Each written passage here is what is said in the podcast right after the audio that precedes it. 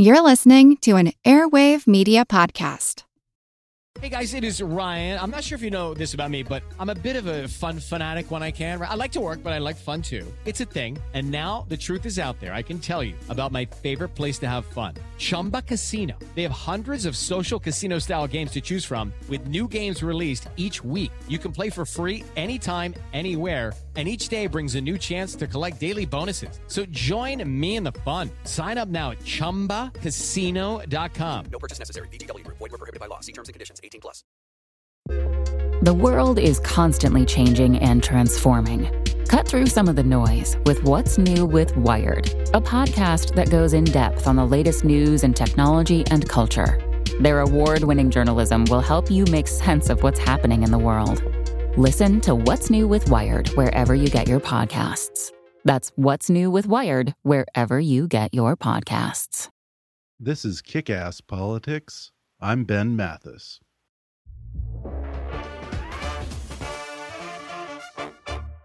Hey, folks, Ben Mathis with just a quick announcement.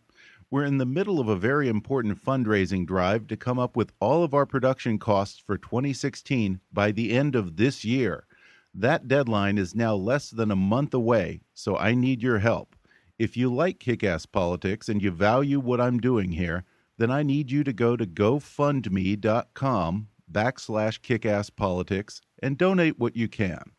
It's vital that we fund our production budget for the next year so I can focus my energies on the content side of kick ass politics, which is a lot more involved than you might think. So be a part of what I'm creating here and help us reach our goal by January 31st of this year. Just go to gofundme.com backslash kickasspolitics or hit the donate button on our webpage at kickasspolitics.com. If you go right now and donate something, anything, doesn't matter what amount, just something that shows that you endorse what I'm doing here and I'm on the right track with this show, I promise you I'll keep doing what I'm doing here and producing new shows for you every week. Thanks in advance, folks. And now, enjoy the show. Hi there. I'm Ben Mathis, and welcome to Kick Ass Politics. Well, folks, it's that time of year again when all of the news programs, or the shows as Donald Trump calls them, look back at the biggest headlines in 2015. And even more than usual, it seems that events in the Middle East have taken up quite a bit of the oxygen this past year. The Iran nuclear deal, the Syrian civil war, ISIS, a Russian commercial jet bombed over Egypt, and then a military jet shot down by Turkey.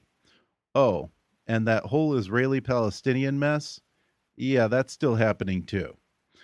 Well, today I'm bringing on the show one of the foremost experts on the Middle East. Daniel Pipes is a historian, author, and political commentator who specializes in the region. He's the president of the Middle East Forum and publisher of Middle East Quarterly.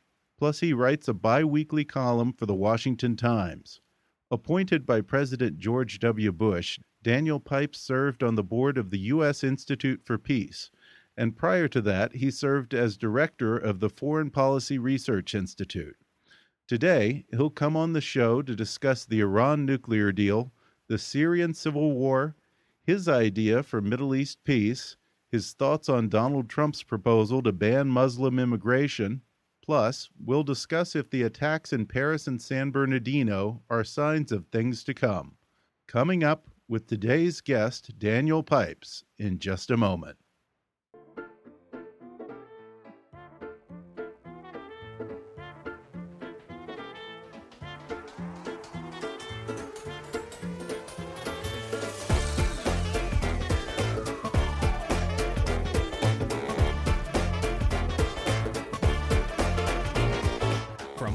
To Washington, it's time for Kick Ass Politics. And now here's your host, Ben Mathis. Today I'm joined by Daniel Pipes, president of the Middle East Forum and publisher of Middle East Quarterly. Daniel, thanks for joining me on the show. My pleasure, Ben. Donald Trump, of course, said that he wants to ban all Muslim immigration recently after the Paris attacks in San Bernardino. In an article that you wrote last week, uh, you said that he needs to be blaming Islamists, not Muslims. Now, there are probably a lot of people who would say that that's a distinction without a difference. For those people, how would you explain? It is the a difference. distinction with a difference. Clearly, everyone would agree that not all Muslims are Islamist. Uh, take ISIS as the most extreme Islamist phenomenon. Clearly, there are plenty of Muslims who are fighting it, who don't like it, who are appalled by it. So we can't lump all Muslims together in this particular uh, ideology. Uh, and I, my slogan is that radical Islam is the problem and moderate Islam is the solution. In other words, it's a battle between Muslims. And right now, the Islamist or radical Islamic ideology is rampant, is dominant. Um, but if it's going to be challenged, it's going to be challenged by some other form of Islam. Surely no one is going to claim that all forms of Islam are the same. There's quietist Islam, there's jihadi Islam.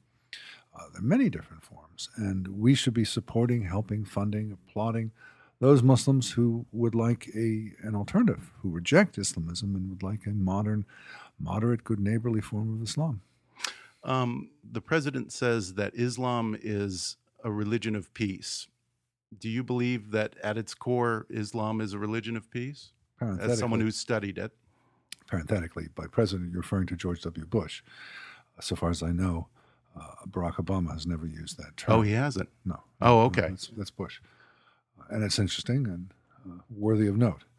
Uh, no, of course, Islam is not a religion of peace. It's, as I said, a religion that spanned uh, 14 centuries, many continents, and uh, has been many different things at different times. Uh, and more specifically, Islam is the most political of major religions, in that there's nothing in other scriptures that can compare to the bellicose nature of the Quran. So, no, uh, Islam expanded primarily through the sword, and at its heart is a religion uh, that seeks political control of territory. The only way a Muslim can live a fully Islamic life is having a ruler and a ruling apparatus, a government that is Islamic in nature. Um, it's interesting because I have a number of people that I've talked to about this, and some have said that the peaceful Muslims are the ones who don't actually understand or believe the Quran. As Which- someone who's studied it, would you agree, or is, is that a false choice? It's a false choice. What you're pointing to is an odd symbiosis between the Islamists on the one hand and the anti Islamic types on the other hand. They Huh. both agree that the only form of Islam is Islamism. You have to want to apply a medieval form of, of Islamic law to be a true Muslim. Otherwise, you're not, you're not serious. No. Islam is a huge, again, to repeat, a huge phenomenon. There are many different ways of interpreting it, just as there are in other major religions. There's not one doctrinal way. And furthermore, you mentioned I'm a historian. The work of a historian is to follow change over time. and every human institution changes over time, including Islam, just like, uh, say, Judaism and Christianity. Uh, indeed, in my own career, I've seen Islam change significantly, and it will continue to change. So there's not one form of Islam. There are many, many different forms. And we could argue, go so far as to argue there's many forms of Islam as there are Muslims. But uh, more recently, there are major streams of thought, major schools, major approaches, and the, uh, the Islamist approach really is only a century old, didn't exist. There were precursors to it, but the modern version of Islamism dates the 1920s. It's not that ancient, and it took a while for it to grow in power and influence. It took about 50 years. I'd say the um, the Iranian Revolution of 1978-79 was the coming to coming of age of Islamism. And I would argue tentatively that it appears like it's in decline right now. It doesn't look like it, but I think there are important developments that have taken place over the last three, four years that suggest it is getting a bit brittle and has problems at its core. Speculative on my part, but I think I think I, I see a trend there. You were part of the U.S. Institute for Peace under George W. Bush when he was president. And he was fond of promoting this idea of winning over the hearts and minds, and that bringing freedom and better education to the region would take care of part of that problem, perhaps by uh, essentially dragging the Middle East into the 21st century. Is that the solution, or what do you think is the transition that needs to happen to modernize? It's up to Muslims. It's not up to American presidents. Right. uh, Bush, Obama, and many others are full of pronouncements about Islam. I mean, for example, Obama has said that ISIS is not Islamic. Oh, really? And the Pope is not Catholic? I mean, what? Who is he? First of all, who is he to talk about this? What does he know? And secondly, isn't that slightly absurd? And he's hardly the only one. Cameron, Abe of Japan, and many others have spoken similarly. This is this is Islam. This is a very valid form of Islam. It happens to be a horrid one, but it's certainly a form of Islam. It'll take a debate, an argument, a civil war even between Muslims over what it means to be a Muslim in 2015 and 21st century. And we who are not Muslim can be most helpful by help by assisting the moderate and modern, good neighborly Muslims to to develop their ideas, to find um, funds, to organize, to prevail in this battle with the Islamists. Um, what are the countries or the regions in the Middle East where you see the biggest opportunity or the biggest chance for this battle, if you will, to happen within Islam? Uh, one sees lots of possibilities all over. In Iran, where they've been ruled for close to four cent- for four decades by the uh, by the Islamists, there's enormous alienation from the ideology from the government that promotes it, and uh, any day it could crack and tumble, and it could be a whole very different approach, and it would be a, a source of anti-Islamism. Uh, Egypt, which had just one year under Islamism, revolted against it, and there are strong anti-Islamist feelings now in Egypt. Uh, Saudi Arabia, which looks like it's just uh, frozen in time, but there are things going on there um, that could be important for the future, uh, and so forth. There are many, many possible places. Um, lately, we've kind of shied away. We, we tried, particularly a few years ago during the Iranian election, Obama almost went out of his way not to take any type of a stand on the side of the reformers, uh, not to seem like the U.S. was meddling. Is there a role for us to play in these discussions? Yeah, that was a scandal in June 2009 when the French, British, German, and other leaders were uh, supporting, verbally at least, the um, the rebellion in Iran. Uh, Obama was silent. I don't know if he'd be silent again now, but he certainly was then. Uh, yes, there's certainly a role we can encourage. Let me put it differently. One finds three main forces in the Middle East the Islamists, the modern ideologues, the extremists, the would be totalitarians, on the one hand, who we should always reject. It'd be like saying we should always reject fascists. Easy, conceptually easy. Uh, you know, you might tactically here and there work with them in some way, but one should always reject them. They are the enemy. Then there are the dictators and the uh, the greedy, self-interested types who have no particular ideology but want to live the good life and subject large populations to their will and taxation. We should work with them, but we should never fool ourselves into thinking they're allies, that we have long-term uh, interests in common with them. They are tactically useful to us, and we are tactically useful to them. Let's not forget that uh, we are very different. Our morals and goals are very different, and that we should always keep the pressure on them to open up, to allow more political participation, more rule of law, and the like. And finally, there are what might, might call the liberals, the modern types, the Tahrir Square types, who look to us in the West for sustenance. We may not agree entirely, but they are basically trying to modernize, and they are the hope of the future. They're nowhere near the corridors of power. It's the tyrants and the Islamists who are dominating but they're the hope for the future. We should, we should be supporting them. We should be encouraging them. Uh, should we have supported the Free Syrian Army early in the civil war in Syria, or and is it a little bit uh, too late now for us to actually affect any kind of real change other than defeating ISIS? Uh, I see that there are three forces: the Iranian-backed central government, the Turkish-backed Sunni rebels, and the Kurds. And of the three, the Kurds are by far the more, most appealing. They don't have uh, great state pretensions. They don't have ideologies. They're not trying to inflict an, a, a, new order on the population. So I would go strongly uh, to back the Kurds, which uh, the Obama administration is sort of doing. Um, you obviously oppose the Iran deal that President Obama made. What would you have liked to have seen in that deal? if there was even a deal to be made at all. I don't think a deal was possible, but um, obviously, I'd like to have it be much more stringent. But, but what's more really interesting is what's happened since the deal has gone into effect. Uh, first, there's the fact that the U.S. government, in the person of Barack Obama, is the only party to sign it, not any other of the P5 plus one, and not the Iranians. Huh. So it's not really a deal. It's a what is it? It's a abstraction that they can or cannot follow, and there are no particular sanctions or you know, just sort of out there.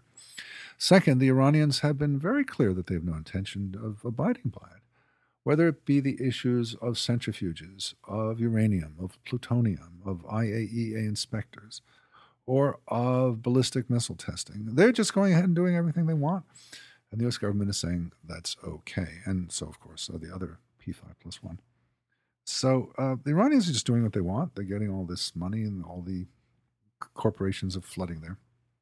But third point is it's not all good news from the Iranian because the population of Iran has been filled with expectations. One of the most interesting phenomenon was over the summer the collapse in car sales because no one wanted to buy that that, that uh, you know, would-be car that the Iranians have been making. They want real cars.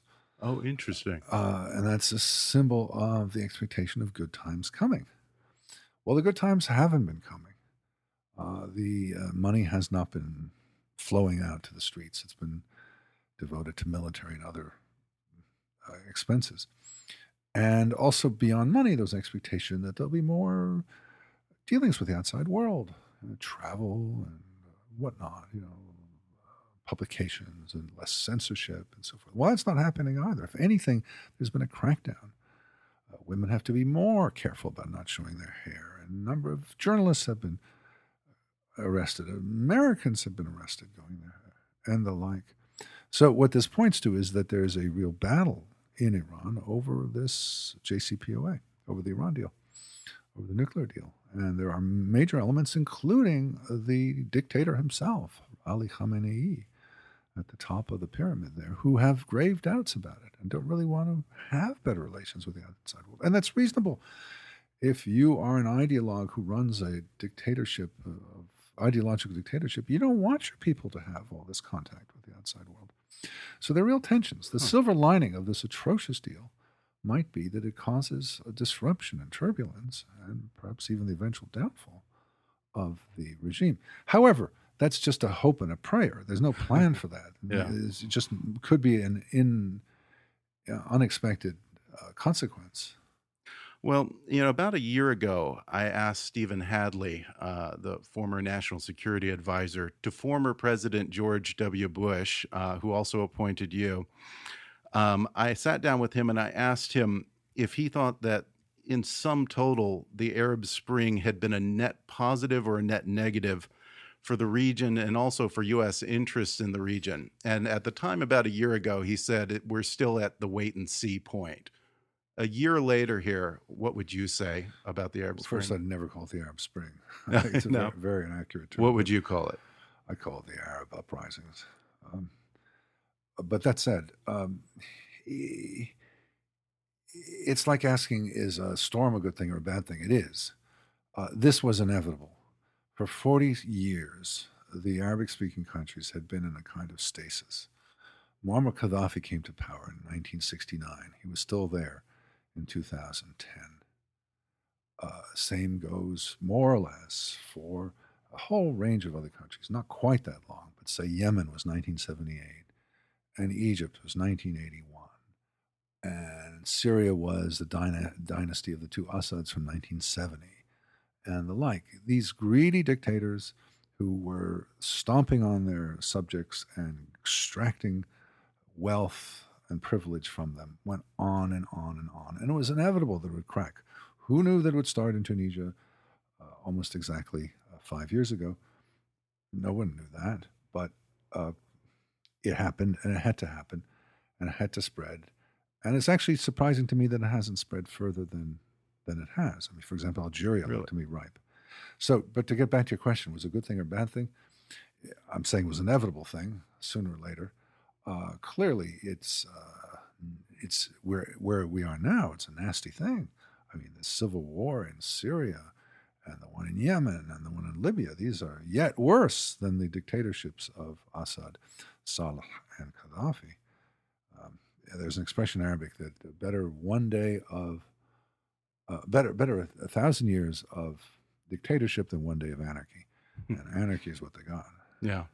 We're going to take a quick break now, and then we'll come back with more with my guest today, Daniel Pipes. Back in just a moment.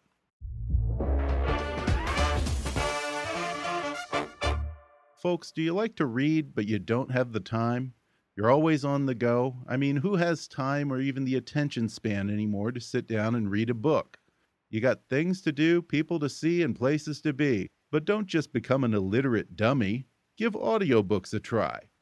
All those times you spend listening to this podcast, you can also be listening to a great book. You can play it on your drive to work, on a run, in the bathtub, while cooking, or just sitting and enjoying one of those rare stolen moments.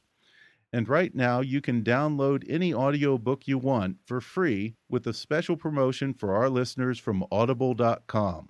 Just go to audibletrial.com backslash kickasspolitics for a free 30-day trial and a free download of any of Audible's 180,000 titles for your iPhone, Android, Kindle, iPad, or MP3 player. That's audibletrial.com backslash kickasspolitics. Or click on the sponsor link on our webpage to download the free audiobook of your choice. And now, back to the show. You have the constant Israeli Palestinian conflict. You've said that you oppose the idea of a Palestinian state or a quote unquote two party solution. You're in support of what you call a three state solution what would that entail? Well, we got it more or less, uh, namely a, a, Gaza, a West Bank, and an Israel. But I would like to see the Egyptians run the West Bank and the Jordanians run the sorry, the Egyptians run Gaza and the Jordanians run the West Bank, as it was in the 1950s. I think it's not a permanent solution, and uh, Egyptian and Jordanian rule are no not ideal by any means, but they're certainly more responsible. Cairo and Amman are certainly more responsible than Ramallah or Gaza. So better to have the Egyptians and Jordanians running things than the Palestinians themselves. Um, would that entail them actually absorbing those regions? Uh, possibly, possibly not. But it, it, the Palestinians have proven themselves to be completely unwilling to have normal governance. It's a revolution, not a not a state. It, you know, their, their only purpose is to eliminate Israel. They're not interested in anything else. Well, moving on from the Middle East to Europe, or close to Europe, I guess, um, you've expressed concern that Turkey is headed toward a path of being a rogue dictatorship. And you've expressed expressed grave concerns about the general direction of that country as a whole. Um, what troubles you about Turkey? Turkey is the Middle East, by the way. There was this fiction that Turkey had become part of Europe but if that fiction ever right. had any validity to it, it's certainly gone now. It's Middle East thoroughly. Uh, the coming to uh, power in 2003 of Recep Tayyip Erdogan has led to a profound change in the Turkish state. Uh, all his predecessors, going back to the to the time of Ataturk, had been limited in their ambitions. He is not. He wants to become dictator, and step by step, week by week, one sees changes in the judiciary, in the banks, in the in the schools, in the security services, in the uh, military, and on and on. Uh, media. Uh, he's gripping more and more power, and he is a brilliant politician domestically and has prevailed every way all the time. But that is also, I think, the source of his undoing, because he's so good and his bellicosity, his bullying domestically, that he thinks he's found the the key to international politics as well, where he's a bully and he's pushing all the but it doesn't work quite that way. We just saw it recently with the downing of the Russian plane. Well, he met a bigger bully than than he is. yeah, he sure did. it didn't work out so well, and so now he's had to flee and take refuge in NATO and try to improve relations with Israel and things like that. So I think his potential undoing is in foreign affairs, where he maybe will have learned a lesson from the Russian shoot down. But I'm inclined to think no, he will continue his bullying ways and he'll meet other bullies who are bigger than him and he'll get bloodied by it and might might collapse as a result of it. Well, yeah. Who do you think was at fault with the Russian shoot down? Because, you know, as you know, Russia has been kind of doing these things where they probe NATO's borders, you know, here and there and start and test people. And to some extent, I looked at that and I thought to myself, well, you know, he finally got what was coming to him for doing In that. 2014, the Turks interfered in Greek airspace Mm. something like 2,400 times. Huh. Not once were they shot down. you know what happened here because you know turkey was on a path to being a modern you know country and joining the eu where did where did things go wrong there Well, part of Turkey was desperate to join the EU, and part of Turkey wanted to be part of Europe, but another part did not.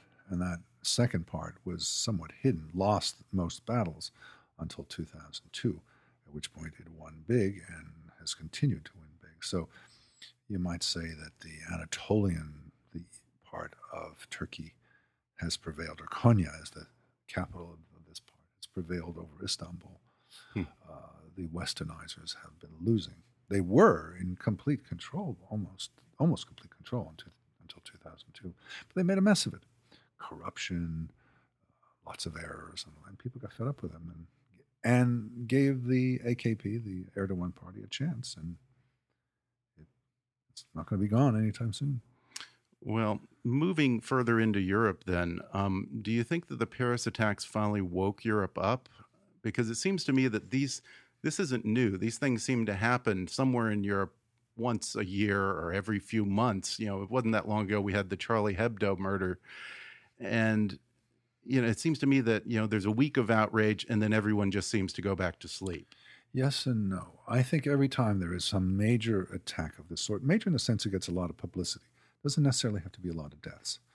Every time there's one of these traumatic events, uh, say the murder of Theo van Gogh Mhm. 11 years ago in the Netherlands, which is one person, but it was a trauma for the, for the Netherlands. Or the biggest of all, of course, was 9 11. And I would put the United States in with Europe, not that different.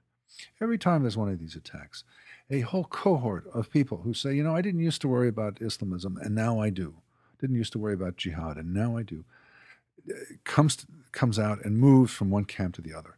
So Hmm. every time there are more people who are concerned about this whole uh, series of issues about I don't know female genital mutilation and minarets and the Quran and uh, Muhammad's marriages to young girls and uh, and the like. I mean, it's just a whole cohort of issues, a whole whole series of issues around Islam, and people learn about it, worried about it. So every time there's one of these major events, a whole bunch of people move from one camp to the other. It's never the reverse. You never hear someone say, "I did. I used to worry about radical Islam, and now I don't." It's only a one-way street. So in that sense, it is there's a drumbeat of change. It's what I call education by murder. Hmm. On the other hand, it doesn't seem to make any difference in government policy. You get a whole big fluster of pron- pronouncements, pronouncements, and policy changes and so forth, but it doesn't make any difference. Let me give you an example. I just heard yesterday from a man living in Geneva, which is right on the border with France, and he said, "I asked him, is Schengen gone? Schengen was the um, is is the uh, free flow of, of people through Western Europe, including Switzerland, though not formally. There, there, are no, there are no border controls. It's like going from California to Nevada. There are no border controls. He said, yes, there are. On the main highway from Geneva to France, there are border controls, and it can take you half an hour to get through it. But, and here's the kicker if you go on the side roads, no border controls. So, in other hmm. words, it's a Potemkin border patrol, it's a Yeah. fake one. Nothing ever really changes. If you're determined to go from Switzerland to France or the other way around, you can do it without any problem. And everywhere you look, I mean, say after the Paris massacres in November, uh, the president of France declared, uh, you know, they're going to fight ISIS. Well, they sent off some planes to bomb some things in Syria. Is that really going to make a difference? So yes, it the this drumbeat of violence leads to a change in attitudes, bit by bit by bit. worry about Islamism, uh, anti Islamic feelings, all sorts of developments. On the other hand, it doesn't change policy. It's not to say it never will, but so far it basically hasn't. After the Paris attacks, uh, Donald Trump. I hate to keep bringing up Donald Trump here, but it seems that's all that that seems to dominate the conversation these days. But um, he said that there are whole areas within the UK um, that are Muslim no-go zones where where even the police are afraid to go and they they live under Sharia law. And he caught some flack for that. A lot of people in the UK even sort of mocked him on that one. Are there whole areas of Europe that are Muslim no no go zones? It's a complex topic, and I've been dealing with it for some years. And I counted up. I've gone to 28 to, s- of, such uh, putative no-go zones in Europe Hmm. and to a small extent outside Europe in the West. My conclusion is the following: no-go zones is a is an informal term. There's no real definition for it, but it. It, it, it, they can be no-go zones if you define it one way and not another way. If you mean a regular person walking in daylight hours, wearing normal clothes, not doing anything particularly interesting, maybe taking some pictures, maybe buying a, a lunch, no, they're not go zone, not no go zones. I have been to dozens. And Okay. I have done this. Okay. And I have not had any flack. With So one for a non-Muslim with- to go in these areas, Muslim and non-Muslim, okay. Don't know, but I, there was one important exception. I was taken around in the city of Marseille by someone from the city to show me Hmm. the situation. We went from one to another to another of what are called the cité of the um, essentially the slums. Little, I didn't know because it was on my car, but I didn't know that this was a city car that the hoodlums and the drug traffickers recognized.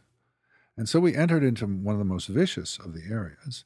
And then he, who was a, essentially a pen pusher, didn't, paper pusher, didn't know what he was doing. He backed out and he left. Well, we were surrounded then by these uh, hoodlums. Wow. And uh, it was scary.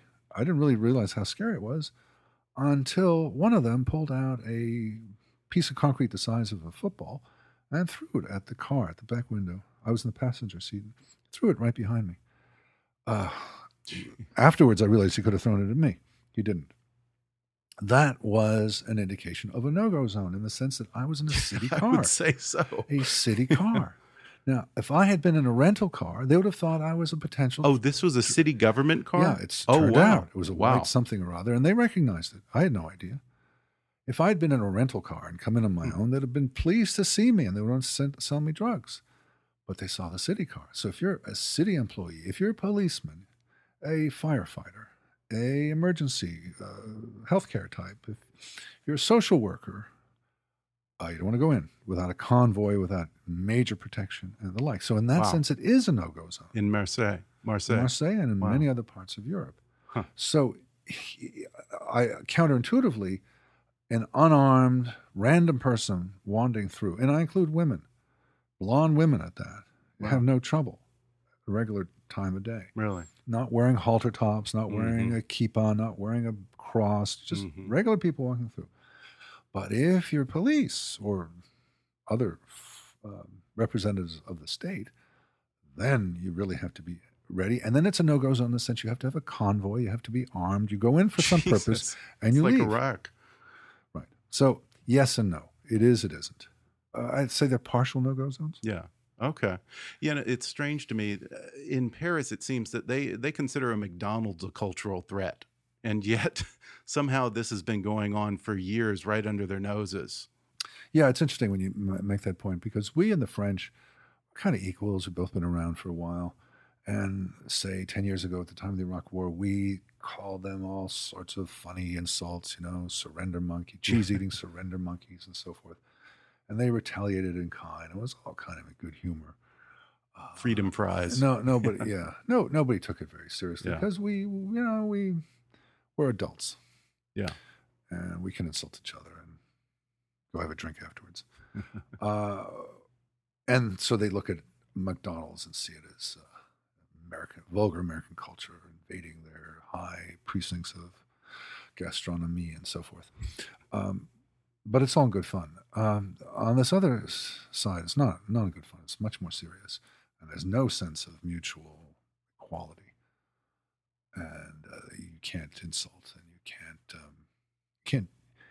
You have to be super careful, and they are, and the result is that they've, to a certain extent, lost control.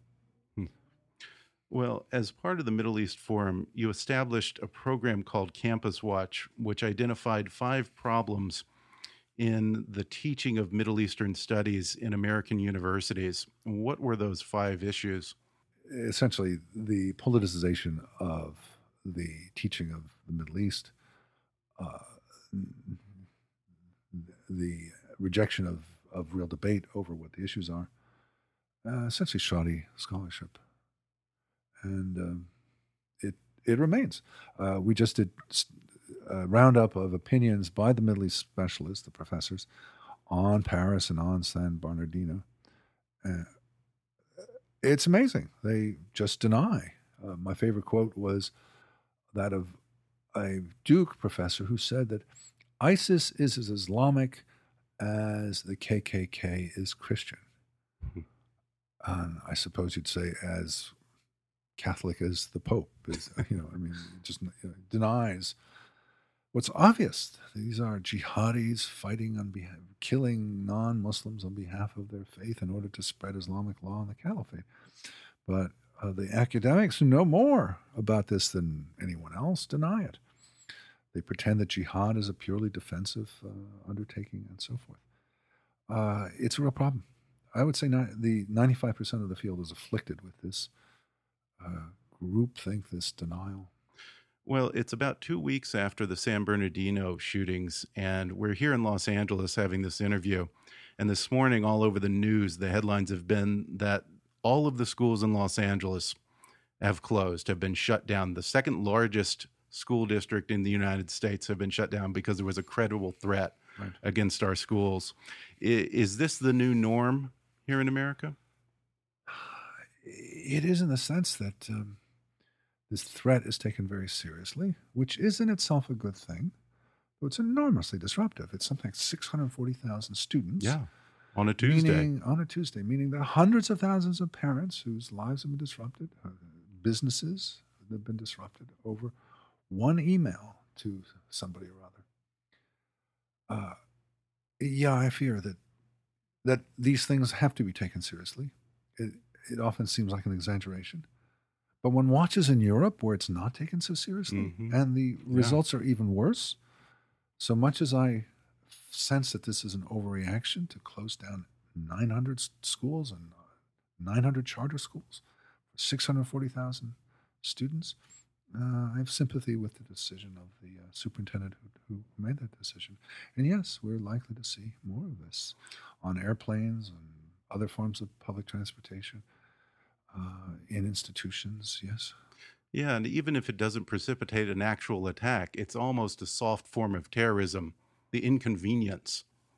Yeah, there are ever more inconveniences. Uh, roads that are closed, especially live in Washington, D.C. Oh, yeah. Roads that are closed, uh, having to go ever earlier to the airport.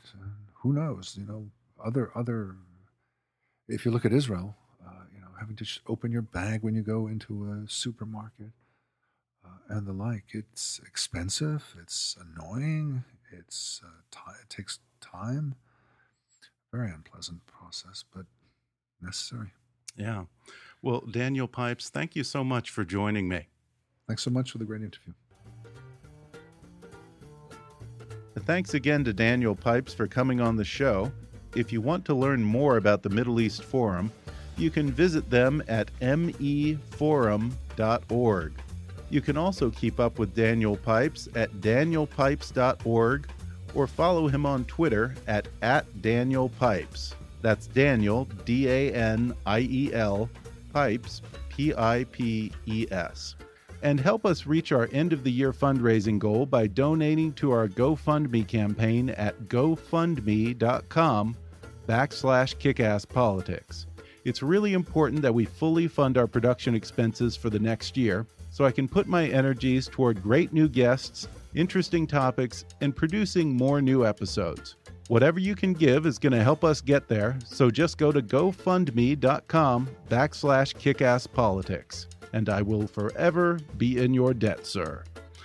Follow us on Twitter at, at KAPolitics or visit KickassPolitics on Facebook.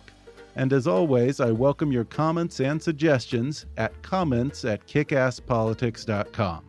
But for now, I'm Ben Mathis, and thanks for listening to Kick Ass Politics.